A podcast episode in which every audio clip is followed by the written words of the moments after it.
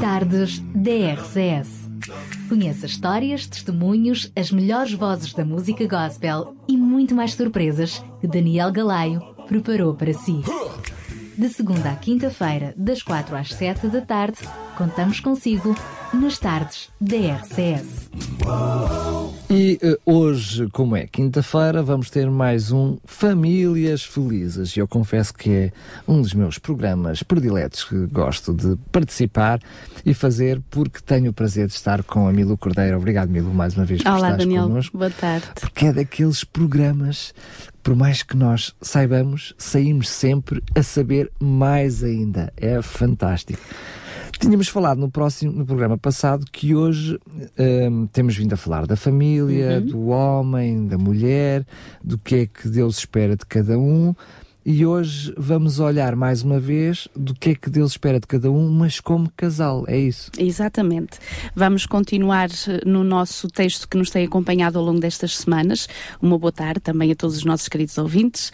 Eh, o livro de Gênesis que nos tem acompanhado no ato da criação, portanto, esse tal planeamento divino e esse vislumbre de Deus eh, na criação da família, eh, numa família feliz, por isso nós definimos este programa Famílias Felizes, porque era esse o objetivo e o desejo de Deus para todos nós.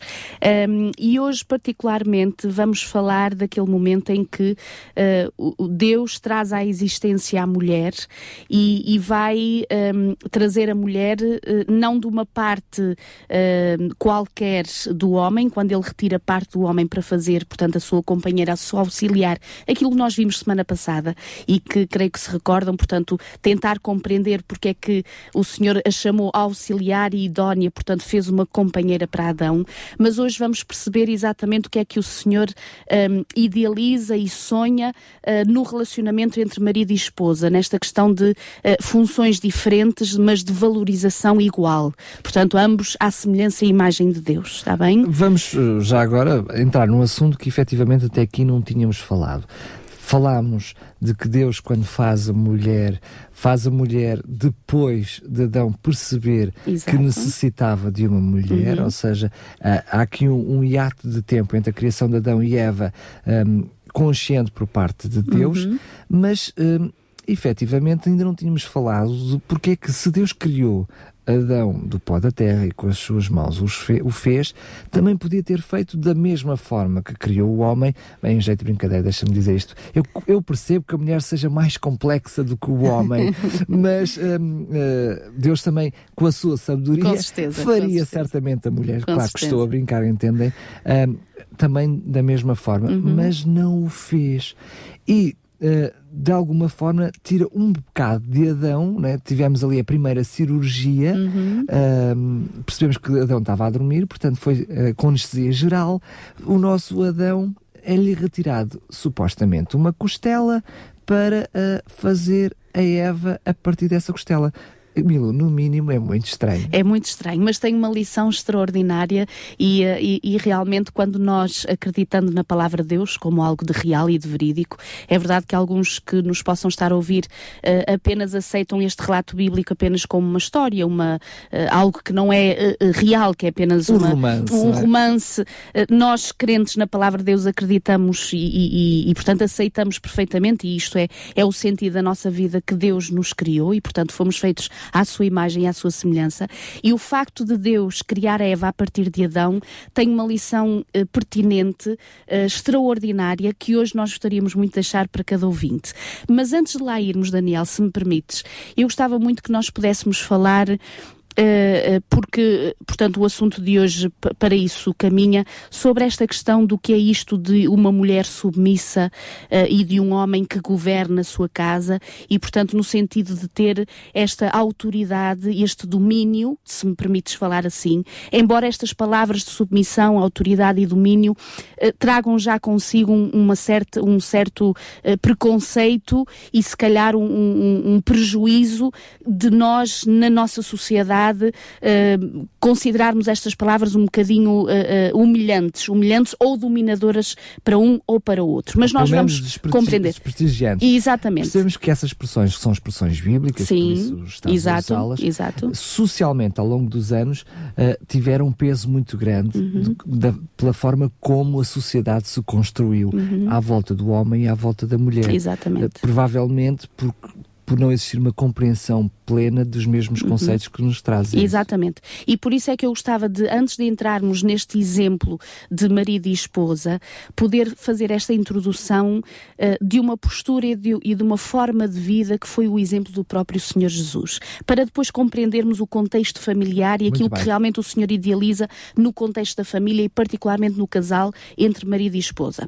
Um dos primeiros versículos que eu gostava muito de analisar hoje uh, encontramos em Filipenses, no capítulo 2, e dos versículos 5 a 8, uh, uh, traz um ensinamento que eu acho extraordinário e, portanto, aqui estamos a falar não de uma criatura, está a falar-se do próprio Criador, portanto, o Senhor Jesus. Então diz assim: é um convite que o apóstolo nos faz, tendo em vós mesmos o mesmo sentimento que houve também em Cristo Jesus, pois ele, subsistindo em forma de Deus, não julgou como usurpação ser igual a Deus, antes a si mesmo se esvaziou, assumindo a forma de servo, tornando-se em semelhança de homens e reconhecido em figura humana, a si mesmo se humilhou, tornando-se obediente até à morte e morte de cruz. Repara, Daniel, a palavra de Deus aqui está-nos a falar de Jesus, Jesus Criador, Jesus Deus, e diz o apóstolo que ele não, eh, não julgou como usurpação, que não seria, que não seria, e, e isto é o extraordinário, não seria de todo porque Jesus é Deus, mas não julgou o poder ser igual a Deus, diz o relato bíblico, mas diz que se esvaziou de si mesmo e assumiu uma forma de servo. Eu creio que nós temos muita dificuldade em compreender esta postura de vida.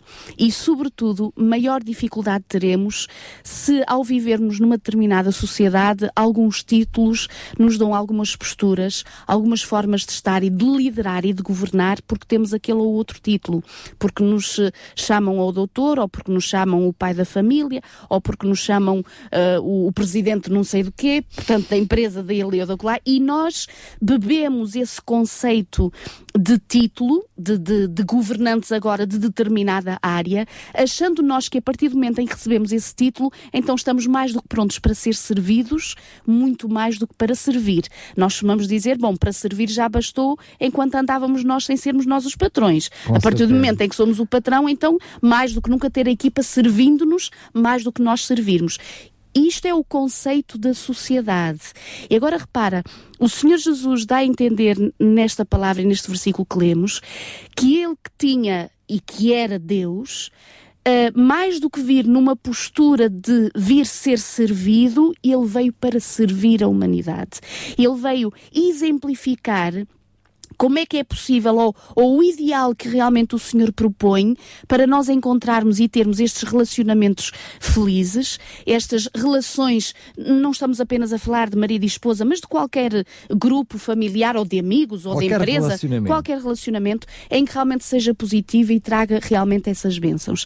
E quando o Senhor diz, repara, e eu acho isto muito interessante, que ele se esvaziou de si mesmo, um, para mim eu acho isto extraordinário, porque repara, Daniel, estamos a falar de Cristo se havia alguma coisa que o Senhor tinha o seu coração preenchido, era só de coisas positivas, nunca seria de negativas. Mas mesmo assim, o Senhor diz aqui neste relato que ele se esvaziou de si mesmo para tomar esta postura de servo. Dá a sensação que se esvaziou dos seus próprios interesses, Isso, é? da para sua própria vontade, vontade, na tal questão de, de eu estar aqui, não tanto para eu ser servido, mas eu estou aqui com uma função acima de tudo, porque tenho este título, porque tenho esta responsabilidade para servir, para dar, para estar aqui ao serviço de. E quando nós compreendemos este Evangelho, e repara, se nós formos ao livro de, de, de Mateus, uh, no capítulo 20 e nos versículos 25 a 28, vou apenas recordar o contexto para o ouvinte se, se posicionar. Um, é aquele contexto em que dois irmãos estão uh, falando, Jesus vai a caminhar com os discípulos e dois irmãos vão a, a discutir um com o outro qual é que vai ficar sentado à direita, qual é que vai ficar sentado à esquerda de Jesus, porque eles imaginavam Jesus como rei, literalmente falando, e uma mãe, inclusive, ainda vem pedir a Jesus, Interceder Jesus, interceder, interceder pelo e com filho. certeza esta mãe queria o bem para os seus filhos, que realmente quando Jesus se tornasse rei, pudessem os seus filhos ser logo o primeiro e o segundo ministros, logo ali ao lado do governo de Jesus Cristo. E, e em determinada altura, Jesus, apercebendo-se eh, desta disputa de liderança, de posicionamento, não tanto repara, e na mente dos discípulos também estava este- esta questão de eh, assumir determinada função para serem servidos, portanto, para que alguém lhes prestasse honra, para que alguém viesse em socorro das suas necessidades e dos seus quereres. E Jesus, compreendendo exatamente este pensamento, no capítulo 20, portanto, e, e versículo 25, diz assim: Jesus chamou-os e disse: Vós sabeis que, o que os governadores dos povos os dominam e que os maiorais exercem autoridade sobre eles. E depois ele diz assim: Não é assim entre vós. Pelo contrário, quem quiser tornar-se grande entre vós, seja esse que vos sirva, e quem quiser ser o primeiro entre vós, então será vosso servo. Tal como o filho do homem, agora repara, ele vai buscar este exemplo que nós acabamos de ler, que não veio para ser servido, esse filho do homem, portanto Jesus Cristo, mas para servir e dar a sua vida em resgate por muitos. Repara, o que é que o Senhor Jesus faz aqui? Ele vai apenas trazer à lembrança o contexto da sociedade de então, na altura dos discípulos, que nós poderíamos dizer que não é muito diferente do contexto atual da nossa própria sociedade. E o que é que ele diz? Que normalmente nos governos, e portanto entre os governadores, nós sabemos que os que estão mais acima dominam sobre aqueles que estão mais abaixo. Isto os mais acima e mais abaixo, e por isso nós definimos a mensagem desta tarde como as hierarquias conjugais. Se verdadeiramente há aquele que está em cima e o outro que está em baixo, um que manda, o outro que diz sim, o outro que governa e o outro que diz pois muito bem, sem dar opinião nenhuma. Assim seja. Enfim, assim seja, sem, ou, ou gemendo ou não dando a sua própria opinião, mas fazendo o que o outro manda. Mas compreendendo isto, repara, o Senhor está a dizer, é comum isso ser assim naqueles que realmente estão nos governos que não têm este espírito e não têm realmente esta sensibilidade que vem do espírito que vem de Deus. E por isso ele diz: Mas entre vós não será assim. É como se o Senhor dissesse, e ele está mesmo a dizer: Quem quiser ser grande entre vós, ou seja, como ele dissesse, se realmente vós receberdes uma função, uma responsabilidade que até vos dá o título do doutor, do patrão, Do estatuto. do estatuto, mas não é para vós dominardes. Não é para vós governardes no sentido de humilhar o outro, de espezinhar ou de colocá-lo ele ao vosso serviço. O Senhor está a inverter as posições. E repara, Daniel, o Senhor está a dizer: quando tu receberes o título, é exatamente para tomares a postura de servo. Ele desconstrói por completo o Completamente. pensamento As atual, hierarquias. e atu- atual na sua época e o Exatamente, de hoje. exatamente. Agora repara, Daniel, quando nós estamos, seja num relacionamento, seja num, num, num trabalho eh, de equipa, eh, tenhamos nós uma empresa ao nosso cuidado, uma igreja, uma família, quando o Senhor nos dá a entender que nós temos determinada responsabilidade, porque temos determinada função, função essa que nós diríamos que pelo título ou pelo nome que nós recebêssemos fosse no sentido de hum, eh, orientar ou governar equipas para ficarem ao nosso serviço, o Senhor está a dizer, queridos, vós recebestes essa responsabilidade como marido, como pai, como mãe, como patrão, como chefe de equipa, não tanto para terdes muitos ao vosso serviço, mas acima de tudo para servirdes como o Senhor Jesus veio para servir. Ai, como seria a nossa sociedade se Uau, fosse assim, não é? Estás a ver? E repara, Daniel, até, até repara, o, o próprio reconhecimento monetário, e quando nós falamos de salários, o reconhecimento monetário vem em função do título, às vezes nem sempre é em função do préstimo, não é? E nós vemos muitas pessoas que têm os títulos, que realmente têm, não estou a dizer que, que devam ser menosprezados se trabalharam e estudaram para isso, com certeza, devem receber, eh, portanto, o, o, o, O justo salário, justo diz a salário e a palavra do Senhor diz isso, mas nem sempre um título quer dizer a, a correta postura. E, e realmente este tal espírito de serviço que o Senhor nos chama a atenção, dizendo que deveríamos ser como Jesus, que veio para servir e não tanto para ser servido. E por isso é que. Quando nós vamos ao livro de Filipenses, no capítulo 2 e nos versículos 3 e 4, diz assim: Não façais nada por partidarismo ou vanglória, mas por humildade, e depois diz assim: considerando os outros superiores a si mesmo.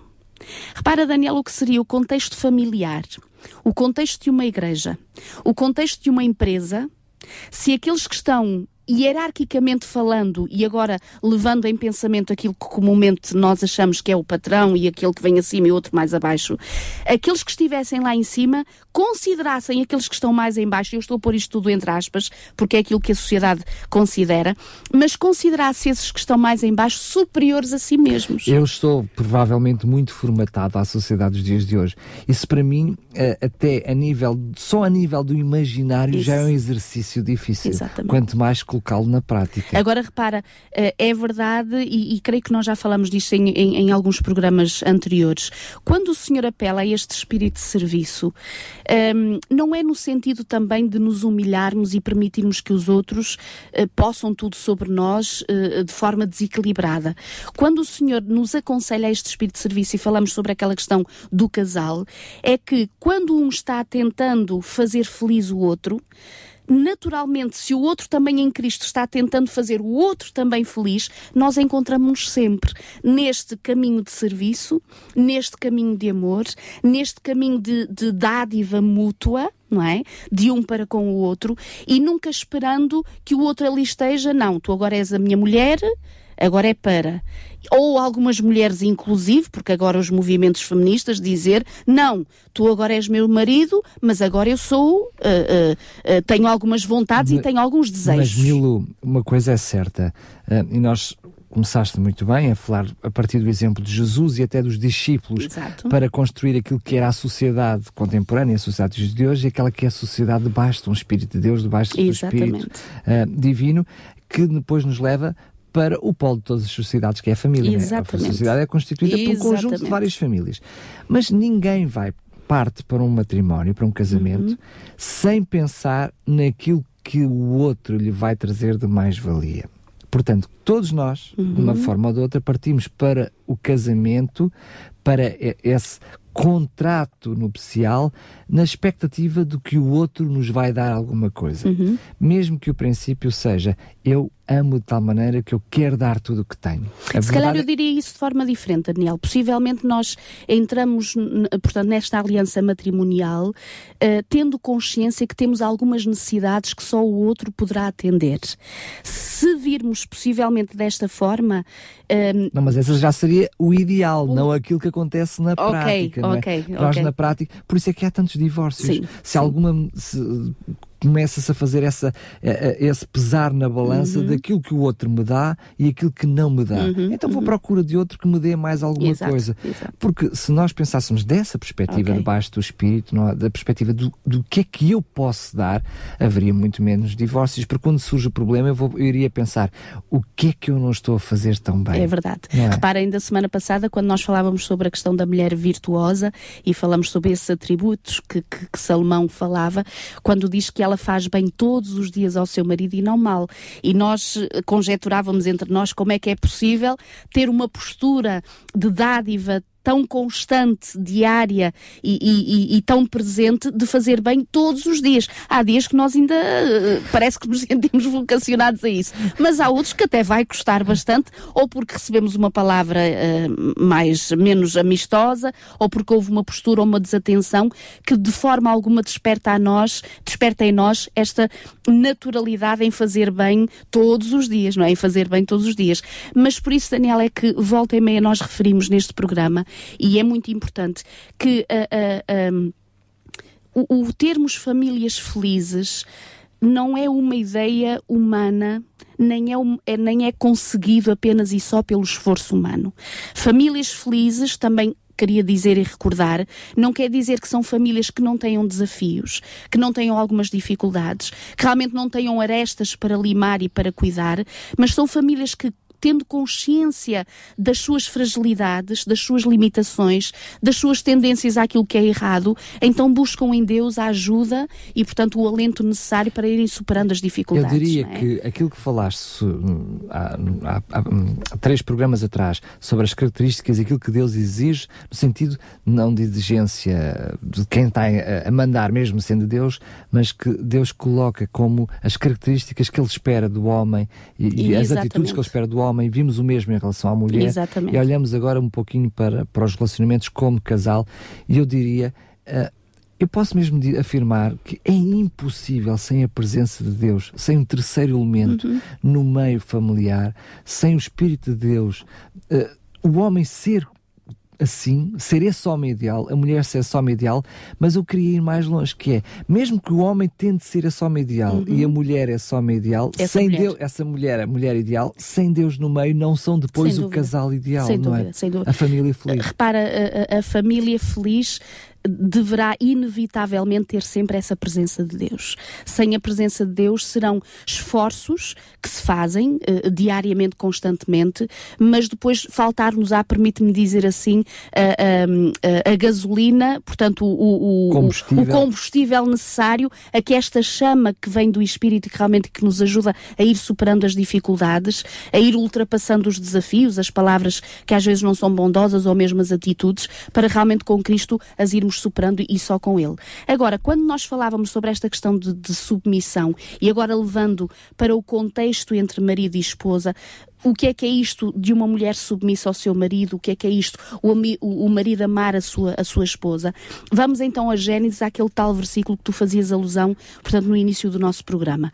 Quando o Senhor, portanto, diz o contexto do capítulo 2, eh, quando Adão estava a dar os nomes aos diferentes animais e compreendeu que todos eles tinham o seu par e ele estaria sozinho, diz então no versículo 21 que o Senhor Deus, portanto, o capítulo 2 de Gênesis, fez cair um pesado sono sobre o homem e este adormeceu tomou uma das suas costelas, fechou-a no seu lugar com carne, e a costela, portanto, no versículo 22, a costela que o Senhor Deus tomara ao homem, transformou numa mulher e lhe trouxe. E depois diz os versículos seguintes: E então disse o homem: Esta afinal é osso dos meus ossos, carne da minha carne, chamar-se-á varoa, porque do varão foi tomada.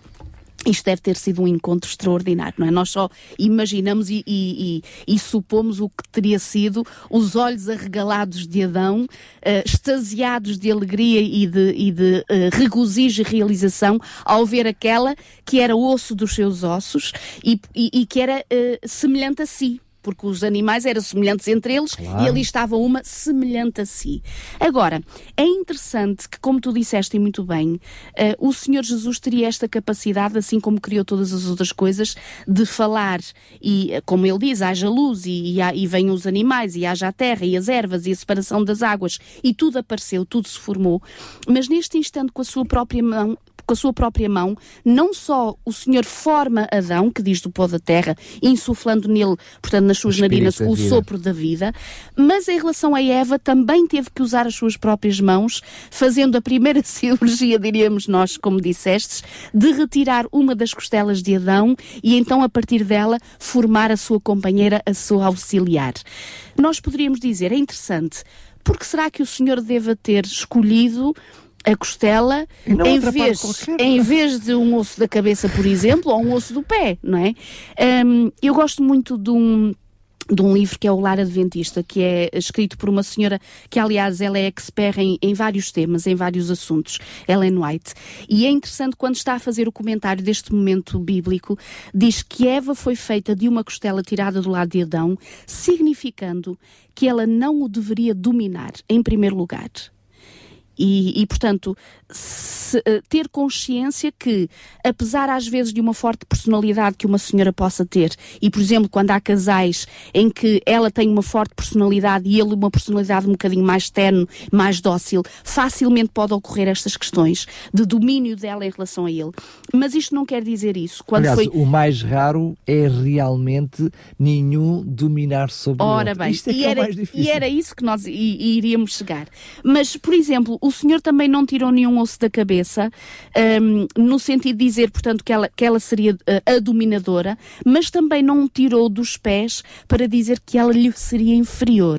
Dominada. Ou seja, dominada.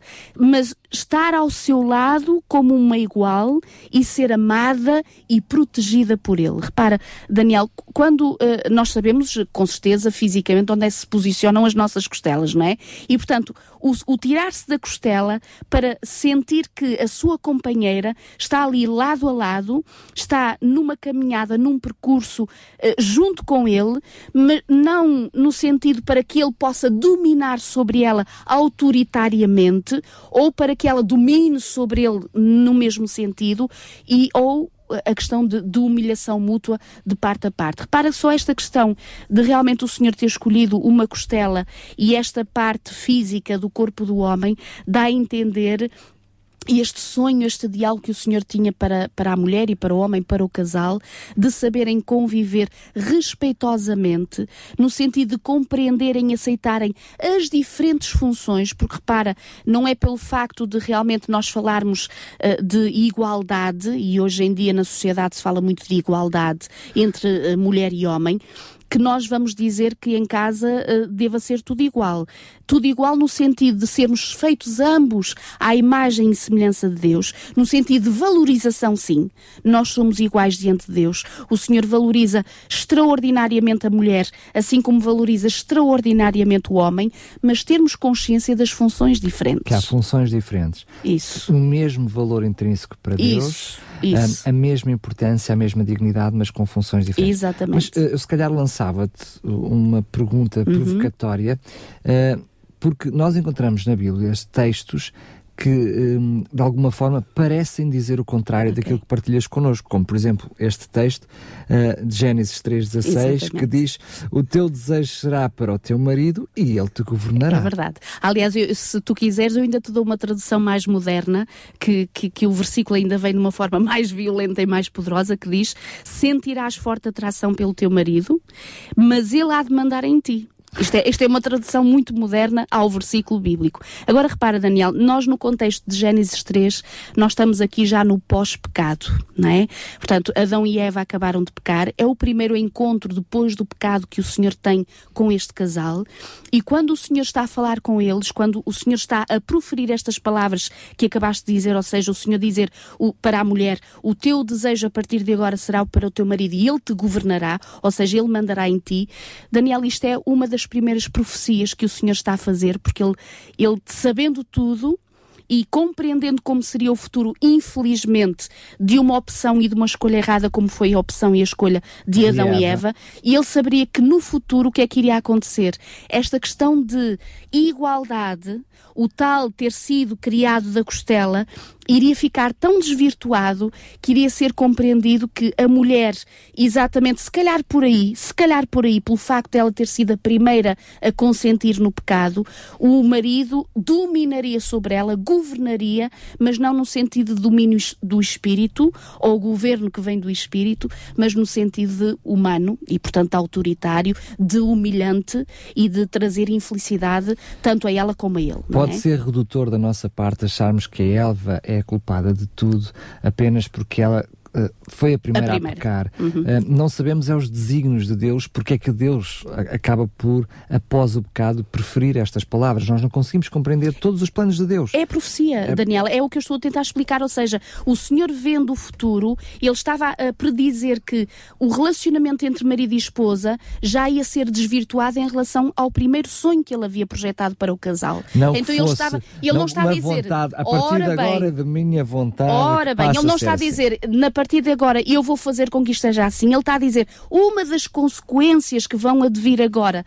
do pecado é que o marido vai dominar, vai governar, vai mandar sobre a esposa, ok? Portanto, este foi um contexto. Agora, quando tu vais, por exemplo, a Efésios no capítulo 5 e alguns uh, uh, queridos senhores e conhecendo a Sagrada Escritura, quando, por exemplo, eu estou a falar para auditórios, eu gosto muito de brincar com, com os maridos e com os homens presentes, porque quando nós lemos este versículo, por exemplo, de Efésios 5, versículo 22, que diz assim: as mulheres sejam submissas ao seu próprio marido. E vou ficar por aqui. E eu costumo dizer: neste momento, os maridos estão a cotovelar as suas esposas.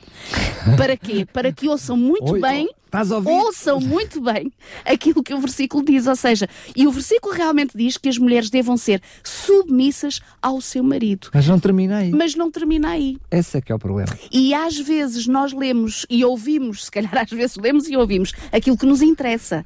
E depois o restante, para trazer exatamente o tal equilíbrio, aquilo que realmente Deus sonha para a humanidade, para a felicidade do casal, depois fica a quem e nós não compreendemos, não é? E repara, o mesmo versículo diz assim, portanto, as mulheres devam ser submissas ao seu próprio marido, como ao Senhor. Repara, se eu devo ser submissa ao meu marido como ao Senhor, o eu ser submissa ao Senhor é saber que eu tenho alguém do meu lado, agora estou a falar de Deus, Esse Senhor é Deus. desse claro. Senhor que é Deus, que se humilhou a si mesmo, que não teve por usurpação ser igual a si próprio, mas veio para servir. Reparem, eu estou ao lado de alguém que está a fazer tudo para a minha salvação. Não está exigindo nada de mim, no fundo está-me dando tudo. Ok? Vive e viveu, inclusive morreu para me dar a salvação. Daniel, eu, eu digo, se todas as mulheres tivessem ao seu lado um companheiro, um marido, que tivessem plena consciência e compreendessem que estão ali, a sua postura é de serviço, é de ajuda, é de cuidado, é de entrega, é de zelo, é de prezar. Eu digo, qual seria a mulher que teria dificuldade em submeter a este marido? Aliás, vou um bocadinho mais à frente. Quando o Senhor diz aqui no versículo 25, neste mesmo contexto, quando ele diz que as mulheres devam ser submissas ao seu marido, Agora vou falar para os maridos. E agora são as mulheres a cotovelar os maridos, ok? Diz assim o versículo 25: Maridos, amai a vossa mulher. E Daniel, eu faço agora aqui uma questão que vou deixar a interrogação no ar. Uh, quando nós verdadeiramente amamos e quando nós falamos de amor, e já falamos aqui em vários programas, este amor que de Deus vem, porque o nosso amor humano é muito egoísta, é, é muito. hum, uh, portanto, é. é, é A palavra certa é egoísta. é egoísta, é egoísta. nós, nós queremos ter e queremos ser servidos, é tal questão. Mas este amor que de Deus vem para dar, para servir, para buscar felicidade, ir ao encontro de suporta, tudo né? suporta, tudo crê, tudo espera. Este amor que é divino, que realmente nós não o temos, é um dom que de Deus vem. A minha questão é. Se há um marido que verdadeiramente ame a sua esposa, como diz este versículo, com este amor que de Deus vem, de forma alguma terá uma postura sobre ela de humilhação. Se nós olharmos para o primeiro, o primeiro programa que fi- que fizemos sobre este assunto, sobre aquilo que Deus recria do homem, e este amor do homem para a mulher, que é um homem, que é um, amor, amor. de serviço, Exato. de ir ao encontro das necessidades da mulher, de valorizar a mulher, Exato. de a fazer cada vez mais próxima de Jesus, Uhum. nós percebemos que na realidade Deus, como Jesus, está a dar um título ao homem de chefe de casal, de cabeça Exato. de casal, para lhe dizer: és assim, porque preciso que tu sirvas a mulher. Isso. Repara, quando ainda há pouco nós falávamos na questão dos títulos e das responsabilidades, se nós compreendermos a palavra de Deus, quando um homem assume e que deve assumir, é um, é um dos fatores que nós aqui já falamos, que realmente o Senhor espera que cada homem, cada marido, cada pai assuma o governo da sua própria casa, é nada mais, nada menos para lhe dizer: olha, tu tens esta função, não tanto para te eh, gozares no sentido que agora todos estão ao teu serviço, mas para seres o primeiro no teu próprio lar, para ires ao encontro e ao serviço dos outros. Mas é que tu falaste de. Porque nós, neste momento, é o terceiro programa, o quarto programa, já dentro desta temática. Sim. E, portanto, eh, eh, aconselho os nossos ouvintes, ehm, quando ouvirem este programa, também re- irem reouvir ou ouvir os programas que temos disponíveis em podcast, em radiorcs.pt, sobre estas temáticas, porque parece que há muitas contradições que depois precisamos de analisar e perceber que não são contradições, Exato. porque o homem deve ser responsável pela sua casa, mas depois vamos ver as responsabilidades que Deus dá à mulher virtuosa e a mulher parece que tem o controle de todas as coisas. Eu costumo dizer, em jeito de brincadeira, que eu em casa, efetivamente, sou a cabeça de casal. Eu em casa é que sou a cabeça, mas a minha mulher é ao pescoço e vai levando a cabeça para onde quer. Na realidade, é, é uma mistura de todas as coisas claro. em que ambos não é se ajudam, é se coajudam Isso. um ao outro em que ambos são o cabeça de casal, em que ambos são o uhum, pescoço, uhum. porque cada um está para servir o outro, servindo-se mutuamente. Exatamente. Repara, Daniel, eu, eu, creio que hoje em dia, até por exemplo, e disseste a título de graça, e muitas das anedotas que existem sobre esta questão de, de, de homem, de mulher, de marido, de esposa, um, uh, nós sorrimos sempre quando uh, ou, ou elas ou eles tentam enviar uma graça ou fazer uma frase ou uma anedota em que realmente façam uh, brincadeira com a postura postura do outro no sentido de trazer uh, a autoridade ou honra a um desprezando o outro. Claro. No fundo é isto. A anedota, é, nós rimos quando é isto, não é? Claro. Mas para, eu, eu, creio que nós temos uh, uh, um, esta necessidade humana de o fazer porque percebemos, não percebemos a nossa necessidade espiritual. Eu, eu, eu vou tentar me explicar. Esmiuçar, é? Esmiuçar isto. quando nós compreendemos exatamente este, este casamento à luz da Sagrada Escritura, quando compreendemos este relacionamento entre marido e esposa, um, não é vergonhoso nós reconhecermos aquilo que inicialmente eu dizia, que todos temos necessidades. E às vezes parece que temos vergonha de assumir esta necessidade, de reconhecer esta necessidade e temos vergonha de assumir que precisamos dele, que precisamos dela. Mas o Senhor nos fez assim, necessitando um do outro. E quando nós compreendermos isso, que realmente a minha esposa está ali, não tanto para que eu a faça sentir mulher no sentido dela ser a serviçal e aquela que está ali para ser usada, não é? E perdoem-me isto, porque às vezes uh, pode haver relacionamentos conjugais que isto é uma realidade. E o contrário também. E o contrário eh, também. Mas, uh, mas reforçamos este porque é o que é mais é verdade, normal. É o mais comum. É o mais comum. Um, quando compreendermos que realmente a, a, a, esposa ali está para ser a tal Ezer auxiliar que nós falávamos semana passada, no sentido de ser o socorro do marido, o auxílio, aquela que vem para ajudar, para completar, para complementar, de forma alguma um marido se sentirá uh, ameaçado pela presença de uma esposa. Assim como quando a esposa compreender que o seu marido, pelas suas funções diferentes, os seus atributos masculinos que Deus lhe entregou, como a questão de ser muito mais racional até que emocional, o contrário da mulher, quando compreendermos tudo isto, que realmente aquele elemento da minha equipa está ali não para me fazer frente, nem para eu dele fazer uso e abuso, mas quando ali estamos lado a lado, frente a frente, para compreendermos que realmente temos que dar as mãos, temos que nos servir mutuamente e juntos servirmos a nossa casa, o nosso lar, os nossos filhos, o lugar onde nós lá estamos e, como dissestes, que pequenas famílias formam a sociedade, no fundo somos, somos a sociedade. Quando percebermos isto, Daniel, nós não teremos de forma alguma. Uh, uh, dificuldade em conviver felizes na função que Deus nos atribuiu, mas dando valor, respeitando aquele ou aquela que está diante de nós.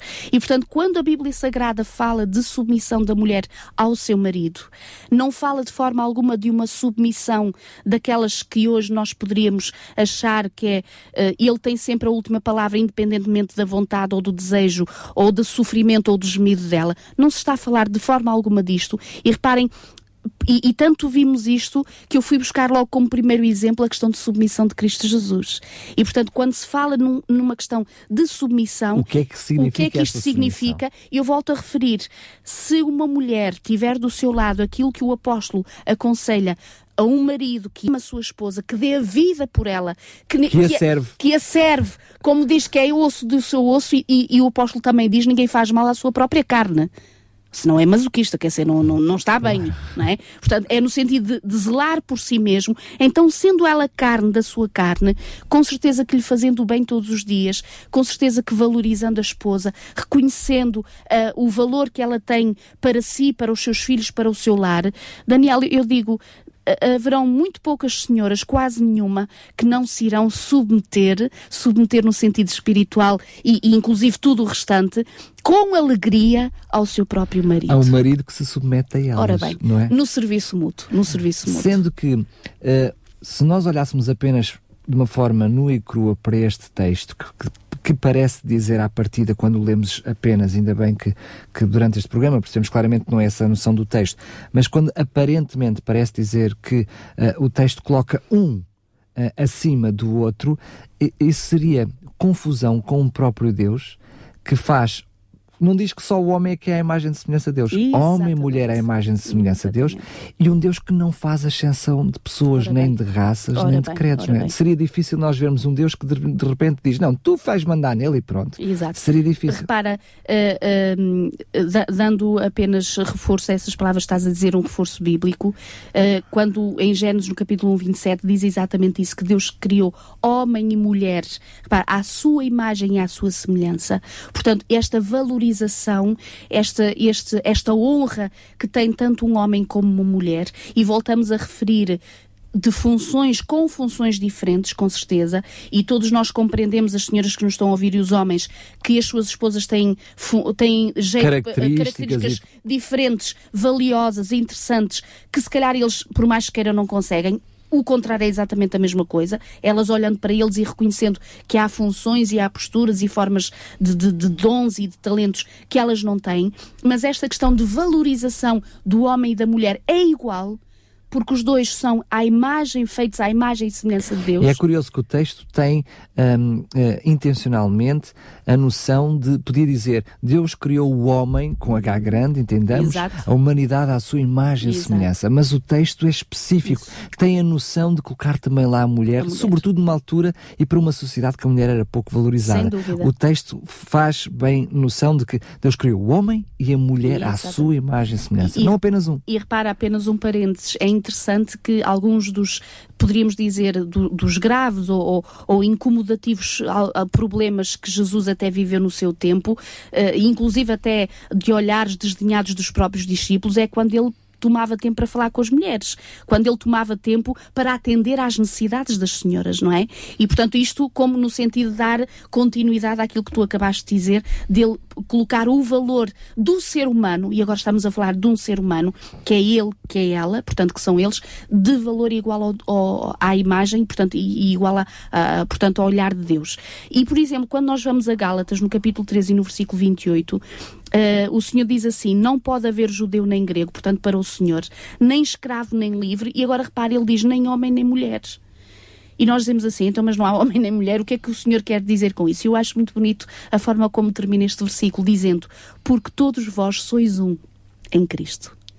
Quando nós percebemos, Daniel, e, e, junto com o nosso marido, a nossa esposa, a nossa família, a nossa equipa de trabalho, a nossa empresa, os nossos colegas, que nós somos todos feitos à imagem e semelhança de Deus, que somos valorizados pelo Senhor, que eu, como esposa, Deus reconhece em, mim atributos que é verdade que não existem no meu marido. Eu, como marido, reconheço que realmente, eh, ou ela reconhece que no seu marido há atributos que não há nela, mas todos eles, e, e se o casal compreender isto, que é valorizado pelo Senhor um e outro, que ambos são importantes, então esta questão de amor, de submissão, de serviço, de entrega, vai ser uma mais-valia para a felicidade e não uma competição impedindo essa mesma felicidade. É uma complementaridade e não ora uma bem, competição. Bem, é? é por isso é que depois são um, um casal. Exatamente. É e por falar um, vamos deixar a deixa para o próximo programa, na próxima semana.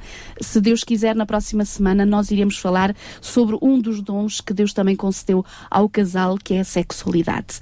Então vamos falar na próxima semana, se Deus quiser, e nos encontraremos uh, na próxima Muito bem. Semana. Um grande abraço, Milu, um mais uma vez. Obrigado. É sempre uma alegria enorme estes programas. Relembro que pode ouvir este programa, fazer o download, não só deste, mas de todos os outros, em podcast, em radioccs.pt.